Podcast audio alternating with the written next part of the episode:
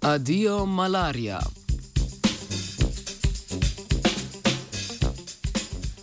Odstranitev enega samega gena iz genoma komarja lahko vpliva na visoko odpornost te živali proti parazitu, ki povzroča malarijo. Tako postane bistveno manjše tudi tveganje za prenos parazita z komarja na človeka. To so ključne ugotovitve ene od raziskav, ki so jo izvedli raziskovalci in raziskovalke na Johns Public Bloomberg School.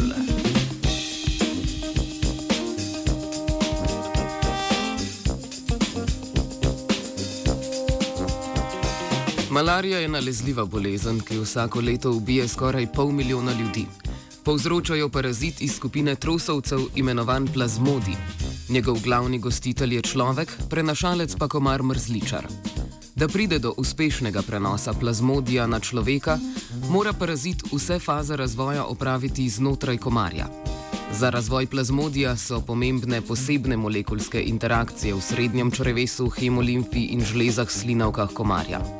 Te interakcije pa so lahko tarče za zaviranje razvoja parazita.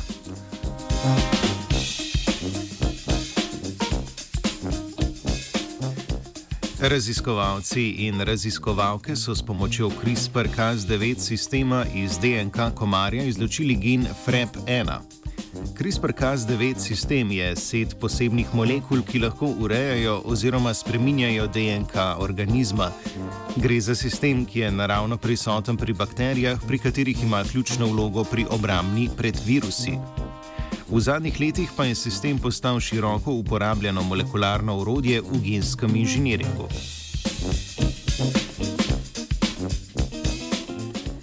Gen FREP1 kodira poseben imunski protein, ki plazmodiju pomaga preživeti v črevesju komarja in sodeluje pri prehodu parazita skozi razvojne faze. Zrel osebek plazmodija se na to iz komarjevih žlez slinavk ob piku prenese v človekov krvni sistem.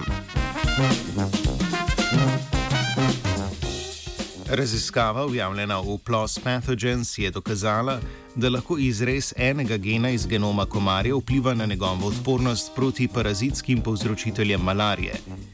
Število okužb s plazmodijem se je med komarji, pri katerih so izločili gen FREP1, močno zmanjšalo. Pri izbrisu gena pri večini komarjev v žlezah slinavkah tako tudi niso našli spor parazita, ki se v piku prenese v človekov krvni sistem.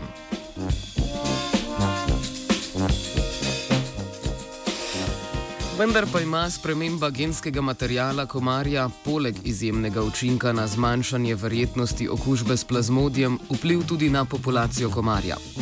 Tako so se komarji brez gena FREP1 v primerjavi z nemodificiranimi predstavniki iste vrste do odrasle faze osebka razvijali dalj časa. Prav tako so imeli slabši odziv na ponujeno hrano in so manj pogosto izlegali jajčeca. Te lastnosti vplivajo na številčnost populacij gensko spremenjenih komarjev in bi v naravi preprečile prevlado nad nemodificiranimi vrstami. Zato je treba raziskovati v smeri, da bi imeli komarji gen FREP1 inaktiviran samo v prebavilih odraslega osebka.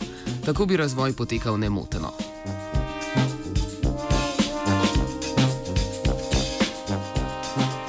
Novosti v svetu genskega inženiringa je z vami spoznavala Mojca.